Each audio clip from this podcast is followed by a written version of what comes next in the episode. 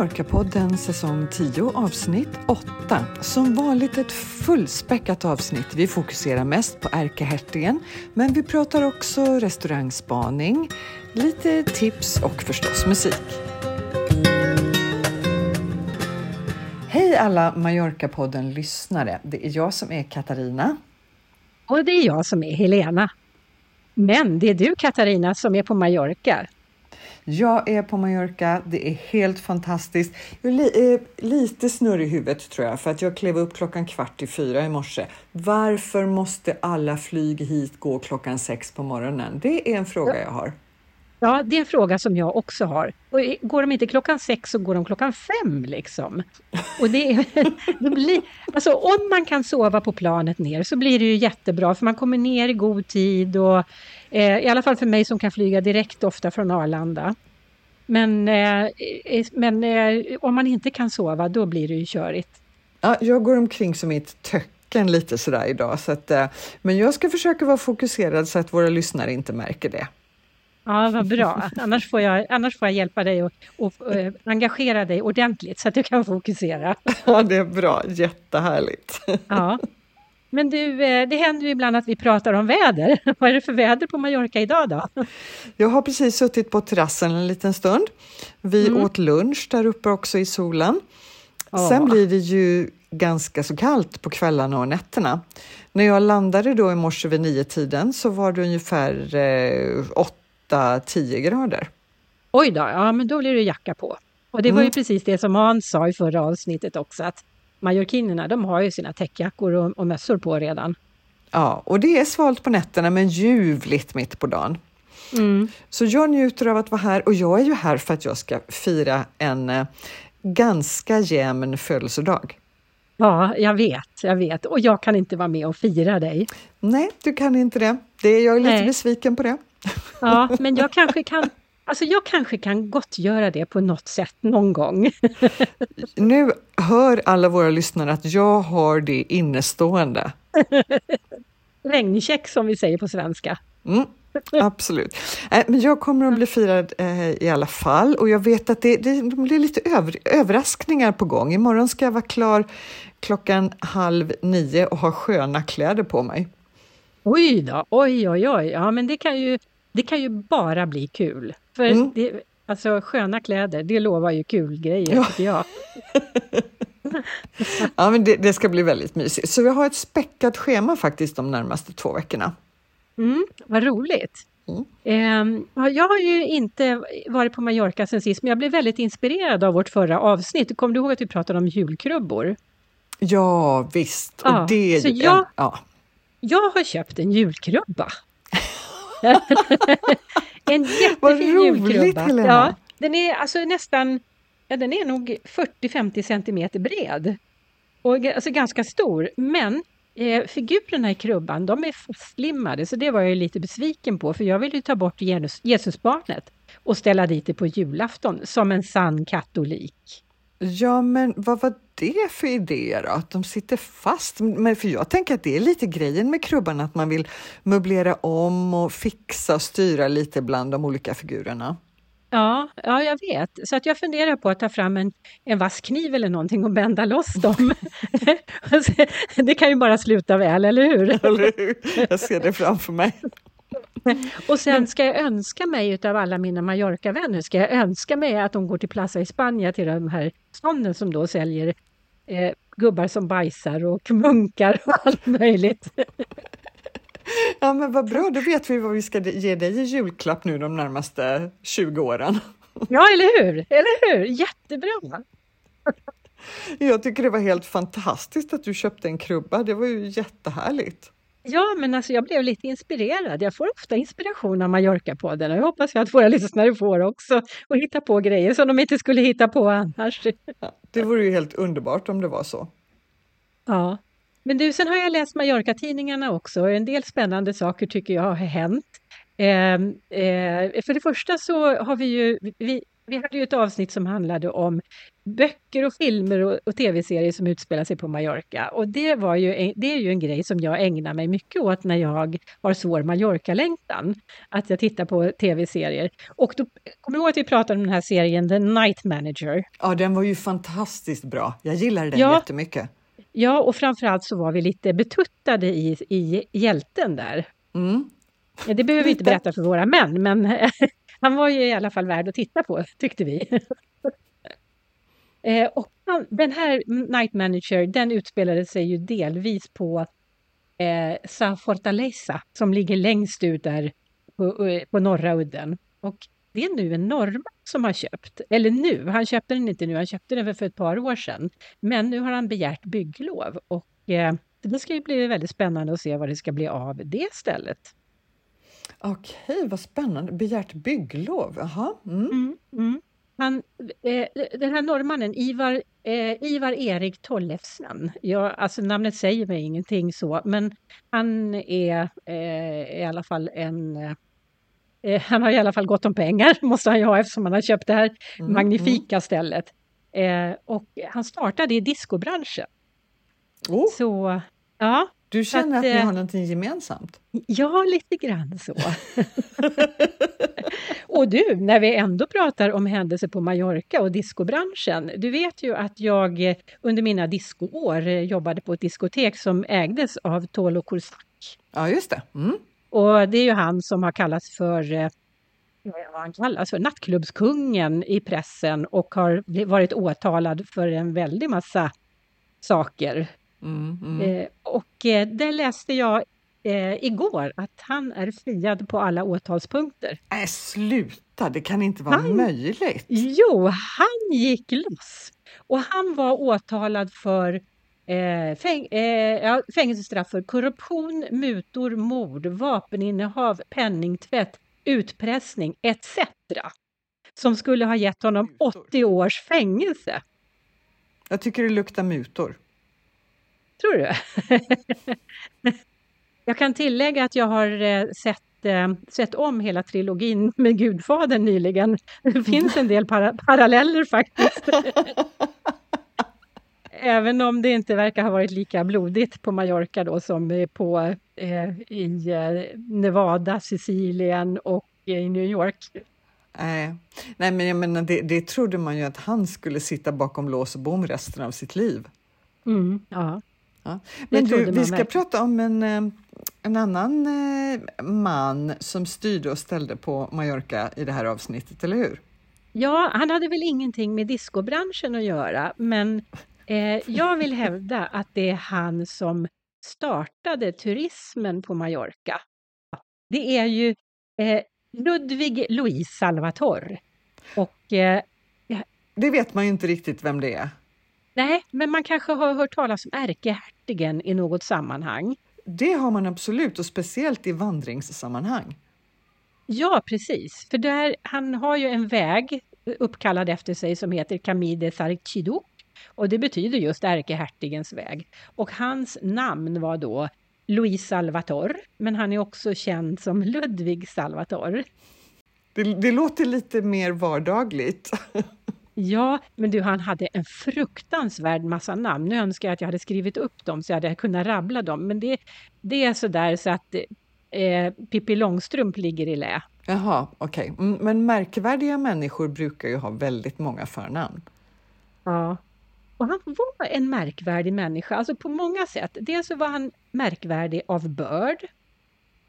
Eh, Eh, och han var ju en av de sista Habsburgarna som var en stor kunga både i Spanien och andra delar runt Medelhavet. Och hans familj ville ju naturligtvis att han skulle föra eh, hela den här ärofyllda grenen vidare och bli en härförare och erövra land runt om i världen, precis som hans kusin Maximilian gjorde. Men, jag anar ett men. Ja, jo, han var inte dugg intresserad av krig. Han ville bara Eh, han var intresserad av natur och vetenskap och hade inte alls någon lust med det här hovlivet och aristokratlivet och krigarlivet. Han var lite grann som Ferdinand, du vet. Han ville bara sitta under sin korkek ja. och lukta. Ja, men nu känner, jag, nu känner jag lite sympati med honom där. Ja, ja, men han var nog en ganska nice kille, men jag, jag har svårt att utläsa det utav det som jag har tagit reda på om honom. För att eh, det finns ju en del saker som man kan tänka sig, hmm, var han en exploatör? Var han en... Eh, det här var ju före metoo-rörelsen, men eh, han lär ju ha varit en kvinnokarl och hur funkade det egentligen? Men, mm. men nu går jag händelserna lite grann i förväg. Ja, hur hamnade han på Mallorca överhuvudtaget? Jo, det, hur man hamnade där första gången vet man inte riktigt, eller varför. Men han var bara 20 år när han kom till Mallorca första gången. Då seglade han dit från Valencia. Och eh, jag tror att han ville upptäcka, han var, liksom, han var intresserad av, av vetenskap, han ville upptäcka, så då hamnade han på Mallorca då. Det här var 1867. Mm. Det är ungefär en 150 år sedan. Och, då när han steg i land, då, det var då han började kalla sig för Ludvig, hertig av Neudorf, för han ville vara inkognito. Jaha, och det var han genom att vara hertig?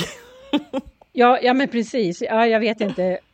Det var väl det här med Habsburg var väl alldeles för, eh, för känt. Ja, men då tror jag att alla varningsklockor ringde liksom hos alla. Ja. Men och varför han ville vara inkognito, det, det vet man inte heller riktigt sådär. Eh, det var väl ingen som frågade honom, men, men jag tänker att han var lite som Fantomen. Han ville gå på gatorna som en vanlig man och, och leva ett enkelt liv framför allt. Och han ville ju inte delta i societetslivet. Eh, han var inte intresserad av det helt enkelt. Mm. Mm, men och vad gjorde Ludde då när han kom hit? Ja, men då gick han omkring i kanske några månader, ett litet tag i alla fall, och intresserade sig för allt. Arkitektur, folklivet, kulturen, språket, människorna, eh, naturen framför allt då. då. Mm. Eh, men han stannade några månader och sen kom han tillbaka fyra år senare. Och då var han alltså 24 år bara. Man, om man tänker då, jämför med dagens 20-åringar och 24-åringar, när de reser till Mallorca, då har det, det alltså...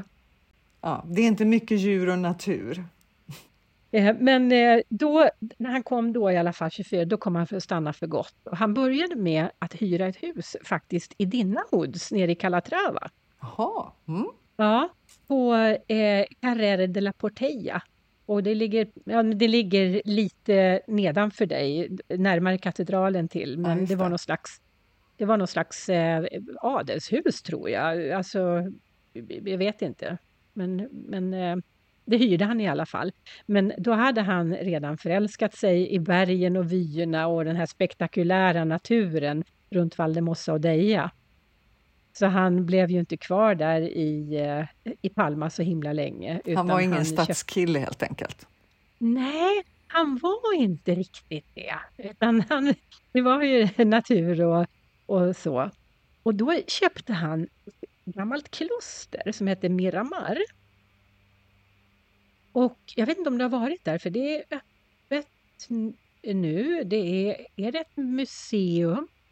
Ja, det är ett museum idag. Och det byggdes av ingen mindre än den här Ramon Llull som var en stor vetenskapsman på, och kyrkoman på 1200-talet. Han kom väl i Jaime den första svarvatten Just antar jag. Det, precis. Det var väl han som också eh, han anses vara en stor utvecklare av det katalanska språket. Ja, det kan hända. Det kan hända. Det var intressant. Det där borde jag ta reda på mer om.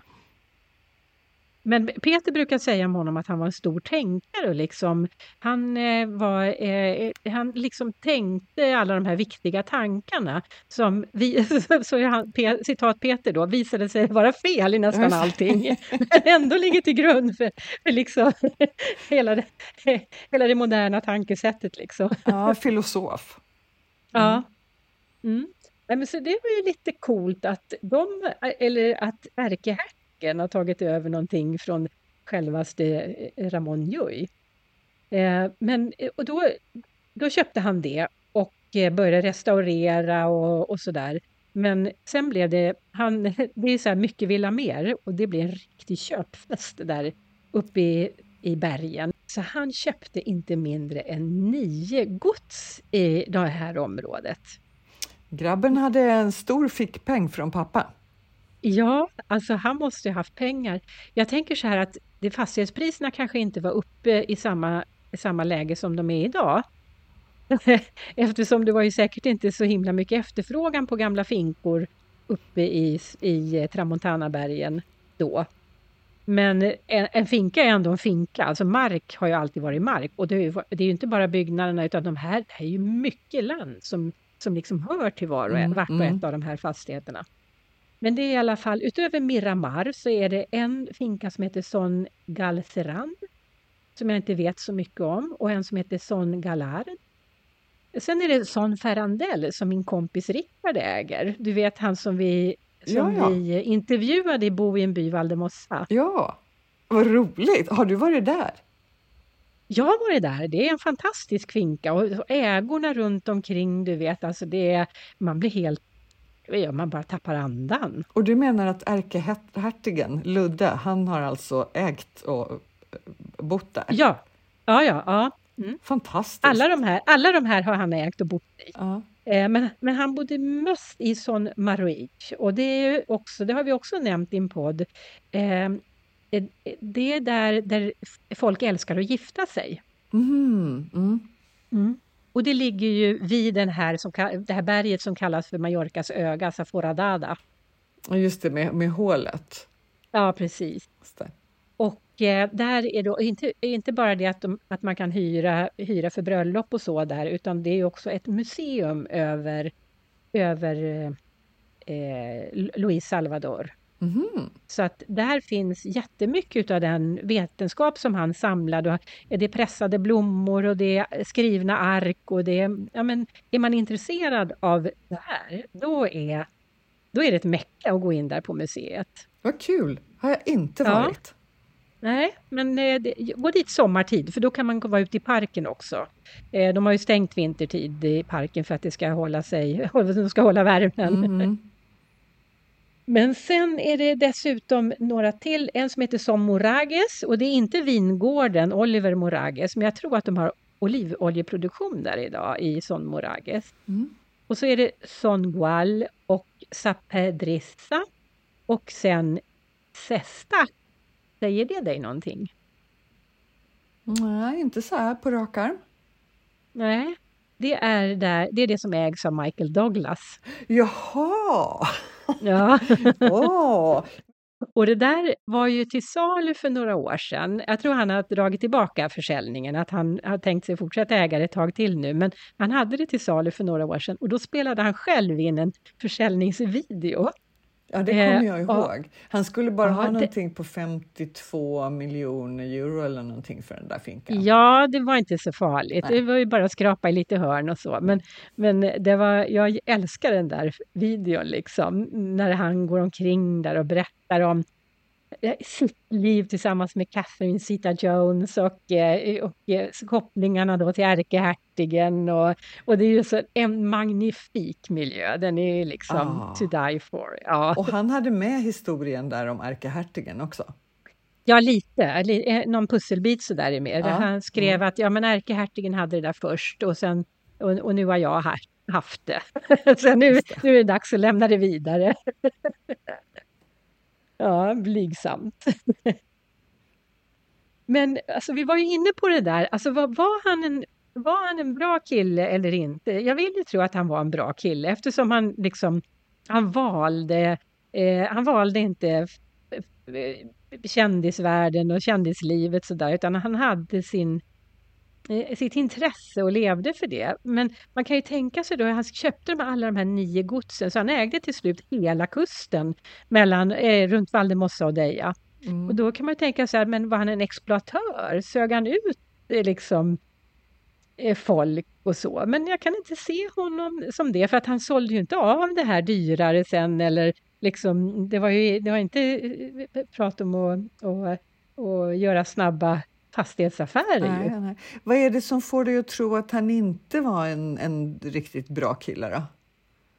Nej men alltså det är ju det, det är ju, jag vet inte, tänk dig själv, han kommer till Tramontanabergen på 1800-talet, där är det ju bara fattiga bönder. Mm. Eh, och, eh, och så kan han då förvärva de här godsen. Det förtäljer ju inte historien om han, vad han betalade, men, men man får ju anta att det inte var några överpriser i alla fall. Eh, och ehm, eh, var, sög han ut folk då eller betalade han dem mm, eh, mm. bra för det jobbet han gjorde? Men jag, vad jag kan få ut i alla fall, så, så han var inte ute efter att exploatera, han var inte ute efter att liksom snåla, utan eh, jag tror att han, eh, att han var en bra arbetsgivare. Han gav folk jobb, alla med här, eh, jag menar alla renoveringar och allt sånt där. Ja, ja. Mm, mm. Och sen att underhålla de här mm. godsen. Men du sa i början ju... att han var lite tjejtjusare. Eh, så han lär ju ha haft hundra barn. Uff, hundra barn! ja, okej. Okay. Då, då, känner jag ju lite på mig, hos mig sådär att hans eh, personlighet jag blir lite skeptisk helt enkelt. Ja, eh, ja men visst blir man det. Är det så att han var en häradsbetäckare som bara ville, alltså som bara satte på allting som, eh, som rörde sig? Ja, men lite så tänker man om du ska hinna med och, och skaffa dig hundra barn.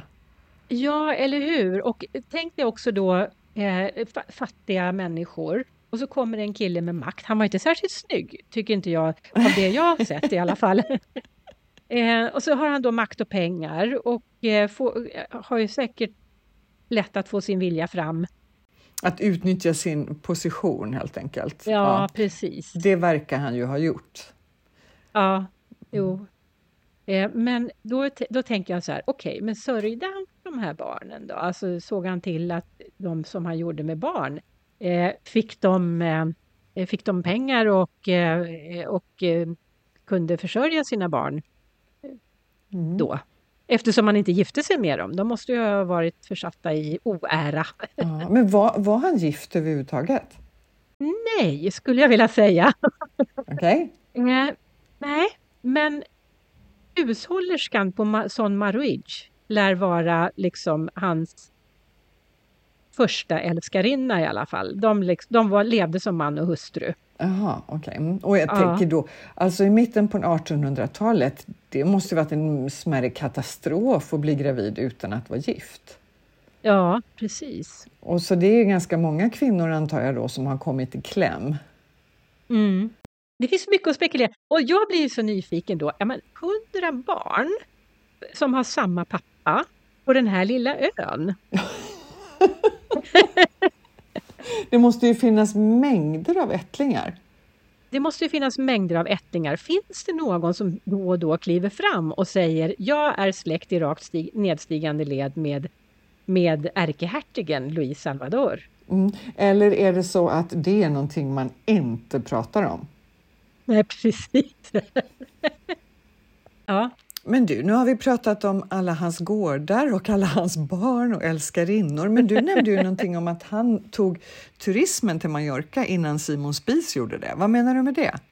Ja, jo, men han, alltså så här, jag tror att utan ärkehertigen Luis Salvador, då hade inte Mallorca varit det turistmål som det är idag. Det kanske hade varit ett turistmål, nej, men bara för att han han drog ju till, han var ju adlig och hade ju det här nätverket av adliga människor och aristokrati runt om Medelhavet. Så även om han var lite konstig prick så drog han ändå till sig för att han han beskrev ju Mallorca som med den här vidunderliga skönheten som den har liksom. Så att hans polare kom ju dit. Och du vet, eh, mun mot mun-metoden då, alla pratade om Mallorca vackert och alla som var värda eh, var värda något. De ville resa dit och tala om att de hade varit på Mallorca och sett den här vackra ön. Jaha! Hmm. Så det, Mallorca har ju haft ett rykte som turistmål för det vackra folket ända sedan 1800-talet. Och vi vet ju att vi har en massa, vi har ju lite La Belle Époque-byggnader i Palma där man kan föreställa sig att damerna passerade runt med sina små paraplyer. Och, och ja, men eller hur, absolut. Det är, det är, inte alls svårt att föreställa sig de här tjusiga eh, sommarpalatsen också som byggdes i El Terreno. Och du kommer ja. ihåg det avsnittet när vi pratade om eh, Plaza Gomilla? När vi faktiskt förstod hur gammal Titos är som nattklubb. Ja, Ja, hundra år om ett par år. Ja, ja och hur många år liksom det har varit sus och dus här. Ja. Nej, men, och mycket var, mycket var eh, ärkehertigen som startade allt det här och han har bidragit fantastiskt mycket till ön. För jag menar utan hans pengar och insatser där uppe i Tramontanabergen och underhålla alla de här gamla godsen och utan hans kartläggning av av Mallorca, som, alltså vetenskapen om Mallorca, både his, historia, eh, arkitektur, kultur, folkliv, allt det där har ju han sammanställt i ett sånt här praktverk som heter Die Balearen. Ah, eh, vad härligt! Ja, alltså, jag, jag har inte läst det. Jag vet inte om det är någon som har gjort det, höll jag på att säga. Men alltså, det, det är ju naturvet eller så vetenskapliga beskrivningar. Och varför det är skrivet på tyska har jag ingen aning. Och jag har ingen aning om den finns översatt till något annat språk. Men, det borde ju eh, finnas på spanska. Ja, det borde det absolut göra, det har du rätt i. Och alla de här frågorna tror jag man får svar på om man beger sig till museet. Mm, vad kul, då får det stå ja. lite på eh, listan. Ja, det får det göra. Ja, och sen tänker jag att när jag är ute och traskar ärkehertigens stig nästa gång så kommer jag nog se på den lite annorlunda än vad jag har gjort innan. Ja, ja, vad kul. Och det, det finns liksom så här landmärken där han, eh, där han eh, tyckte att det var extra... Vet, jag vet inte om det var det första han såg ifrån, när han kom med båten då första gången och då såg han liksom bergen ifrån sjövägen och så det här, här ska jag eh, här, det här är den underbaraste platsen på jorden, här ska jag leva. Han tänkte precis som så många andra efter honom. Ja, alla vi intervjuar i Mallorca-podden säger ju, när vi frågar hur hamnade du på Mallorca? Då berättar alla, jo jag var här av en händelse och sen förälskade jag mig i ön. Ja, mm. Nej, men det är helt ljuvligt. Jag sitter här och bara mår jättebra nu och tänker att gud, lucky me. Ja, ja mm. det är verkligen lucky us. Men är det så att han kom alltså hit först när han var 20, så kom han tillbaka som 24-åring och så levde han och dog här? Ja, jag blir lite osäker på om han dog här. Det där, blir, det där får bli en sån här cliffhanger som jag kan ta reda på till nästa gång. Bra, då ser vi fram emot att få veta det. Men jag, det skulle förvåna mig mycket för jag har ju inte hört talas om det. Men det kan ju vara så att han ligger begraven i någon av de här klostren eller finkorna som han eh, levde i. Ja, ägde. Då, ja. ja. men det var roligt att få liksom en eh, ja, men, att få ett ansikte, det har jag ju inte fått, men få en berättelse om just vem den här ärkehertigen är som man så ofta hört talas om i samband med vandringar. Ja, ja och i samband med bröllop. För att det här, det här Son Maruij, där han, där eh, han bodde mest då, det är ju otroligt känt. Eh, det är ju, jag tror Europas mest eftertraktade bröllopsplats. Ja, vad läckert. Mm. Mm. Jag är ju redan gift så det är ingenting jag kan trakta efter då. Nej, men jag är ju vigselförrättare så jag kan ju trakta efter att få viga någon där. Det vore ljuvligt. Ja, det hoppas jag du kan övertala någon att göra. Ja, ja jag ska prata med mina med, med mina eh, vad heter det, eventfixare och säga det att har ni något bröllop på Son Maruij då vill jag bande med vara vigselförrättare. Mallorca-poddens restaurangspaning. Vad tror du om en eh, restaurangspaning? Är du sugen på att lyssna? Ja, jag hade precis det på tungan. Katarina, har du lite restaurangspaning åt oss den här gången? För jag tror att jag har lovat lyssnarna det nämligen. Det har jag, absolut. Och det här är en alldeles speciell restaurangspaning, så nu tycker jag att alla ska lyssna noga. Mm -hmm. Och jag särskilt. Mm. jag ska berätta om en restaurang som heter Espes de Sapaya. Och du uttalar den?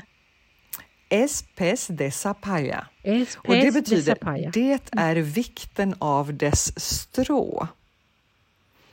Och varför har den då lite komplicerat eh, namn sådär? Jo, mm -hmm. den här restaurangen den drivs av en eh, organisation. Aha. Ja, som heter Esment och den föddes 1962 för att personer med intellektuella funktionsnedsättningar och deras familjer ska kunna njuta av sina liv. Jaha. Ja. Så eh, redan från början så har meningen med organisationen varit att skydda och försvara individers och deras familjers rättigheter.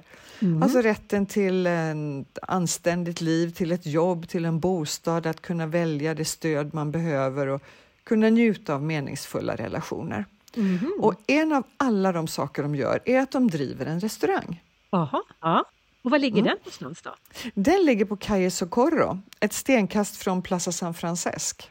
Jaha, okej. Okay. Och den har, det, det allra bästa med den här restaurangen, förutom att det jobbar mängder av supergulliga människor där, som många av dem har intellektuella funktionsnedsättningar. Mm. Förutom det så har de Palmas absolut ljuvligaste uteservering. Jaha. Ja, men... Terrassen bara badar i sol. Ja, vad underbart, särskilt den här årstiden när man verkligen ja, suktar efter sol. Vet. Ja. Och det är inte helt lätt i den här stan att hitta uteserveringar med sol faktiskt. Mm, nej. Mm. Och här kan man njuta av en eh, lyxig frukost med underbart bröd från det egna bageriet. Till exempel toast med avokado, pocherat ägg, juice, pamboli, croissanter. Eh, till lunch så byter de meny, lockar med, eh, ja men de har flera förrätter och varmrätter och desserter att välja med mellan. Och mm. så på eftermiddagen så tänder de lite mysbelysning på borden och så åker tapasmenyn fram. Ja, det låter ju perfekt. Mm. Och priserna då, vad ligger de ungefär då? Ja, men det är helt eh, överkomligt. Varmrätterna ligger mellan 6 och 15 euro. Ja. Restaurangen är öppen måndag till fredag 8 till 18 och lördag söndag 9 till 18.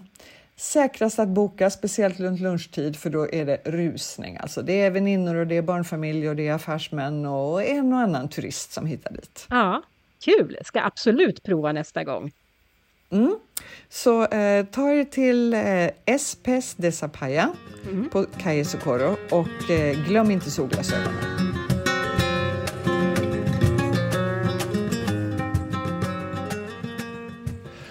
Ja, jag har inte, det, det, står inte i mina planer de närmaste två veckorna att jag ska åka dit, men jag ska göra lite andra saker. Mm, vad ska du göra för någonting?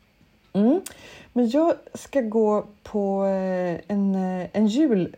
Jag tänkte gå på jättemycket juliga grejer och titta på julkrubbor och så vidare. Mm, det är klart, du har ju en fin Men lista. På, på lördag den tredje så ska jag faktiskt åka till den eh, svenskägda vingården Son Antem och gå på deras julmässa. Ja, okej. Okay. Mm. Det är svenskägd vingård som ligger mm. var? Eh, utanför Alarå. Det ska jag göra. Och sen den sjunde i tolfte ska jag gå på konsert eh, på Troi-teatern. Mm. Och det är en gospelkonsert. Åh, vad roligt! Ja. ja, det har jag aldrig varit på. Det tror jag kan bli jättehärligt. Ja, ja det tror jag också. Så där kanske jag kan träffa några av våra lyssnare. Ja, ja. Kan tipsa och, men den här, vin, det här julmässan på vingården, är den öppen för alla eller är det? Nej, den är öppen för alla. Jaha, ja, men så då kan vi lägga mm. ut lite detaljer om det på vår Facebook-sida. Ja, jag såg bara hur de bjöd in på en av de svenska Facebook-grupperna om Mallorca. Ja, ja, men vad kul, för att det måste ju vara, det måste många tycka är kul. Att gå på en... Ja, eller hur? Ja. ja. Och så ska jag gå och titta på de nya eh, juldekorationerna. Jag har redan hört från mina kompisar här nere och min man att den här jättestora nio meter höga julkulan är helt fantastisk. Ja, men jag har sett bilder på den. Den är ju, den, snacka om fantasieggande. Det är liksom Ja, det är, bara, det är bara underbart, bara tanken på att göra en sån gigantisk julgranskula och ställa den nere i Parc de Mar. Ja. Alltså jag tänkte bara, jag ska gå loss på julen. Ja, men och du kan fotografera så kan du lägga upp lite grann på, på, våra, eh, på våra sociala medier, lite bilder i de här stories och, och reels. Mm. Mm. Det ska jag definitivt göra. Ja. Men du, vi kommer hinna med ett avsnitt till före jul, eller hur? Ja, men det gör vi. Mm. Och då eh, tänkte jag att vi skulle prata om eh, Någonting som jag vet att så många svenskar tycker om. Nej, vad då? ja, men det är det här ikatmönstret som är så typiskt för Mallorca. Ja, tygerna. Du vet, ja, de här tygerna som ser ut lite som eh, vågor eller tungor liksom i olika färger mm. på ljus botten. Ja. Och man kan se dem jag har kuddar i, den, eh, i det tyget och eh, möbler kan man se, keramik kan man se med det mönstret. Ja. Och jag har massor av tips om var man kan köpa det Ja. och varför det är så populärt för Mallorca och var det kommer ifrån. ja, men alltså framförallt var det kommer ifrån, det tycker jag ska bli jättespännande att höra. Mm, och det är ju en perfekt julklapp också att Ja. köpa någonting med i kattmönster. Ja, det är det verkligen. Och, och, precis, så kan man köpa det rött så blir det juligt. Ja, men För, absolut. för det är så användbart för så många grejer. Och jag tänker Ja. så här att det är också den perfekta souveniren för oss som inte gillar kylskåpsmagneter så mycket. Mm. Nej, men för jag gillar liksom att köpa med mig saker från, från de ställen som jag besöker, men kanske inte krimskrams. Och eh, ja, eh, ja, kylskåpsmagneter avstår jag gärna ifrån. Ja. Ja. Nej, men det, då kommer du få massor av tips nästa Ja, avsnitt. men gud vad kul! Det ser jag verkligen fram emot. Och det kommer den 16 december. Och då är vi laddade som bara den. Och eh, Katarina, kan vi lova våra lyssnare varsin julklapp? Som vi gjorde förra året. Åh, Och nu blev det ehm, press.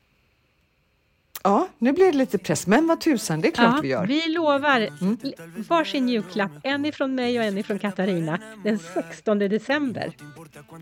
Okidoki. Mhm. Du, eh, nu känner jag så här, innan du lovar någonting mer så sätter jag på lite musik. Okej, vad blir det då? då? Ja, men då blir det en låt med eh, Morat och eh, Aitana och den heter heter eh, Presiento. Presiento que serás de esos errores, de esos que estoy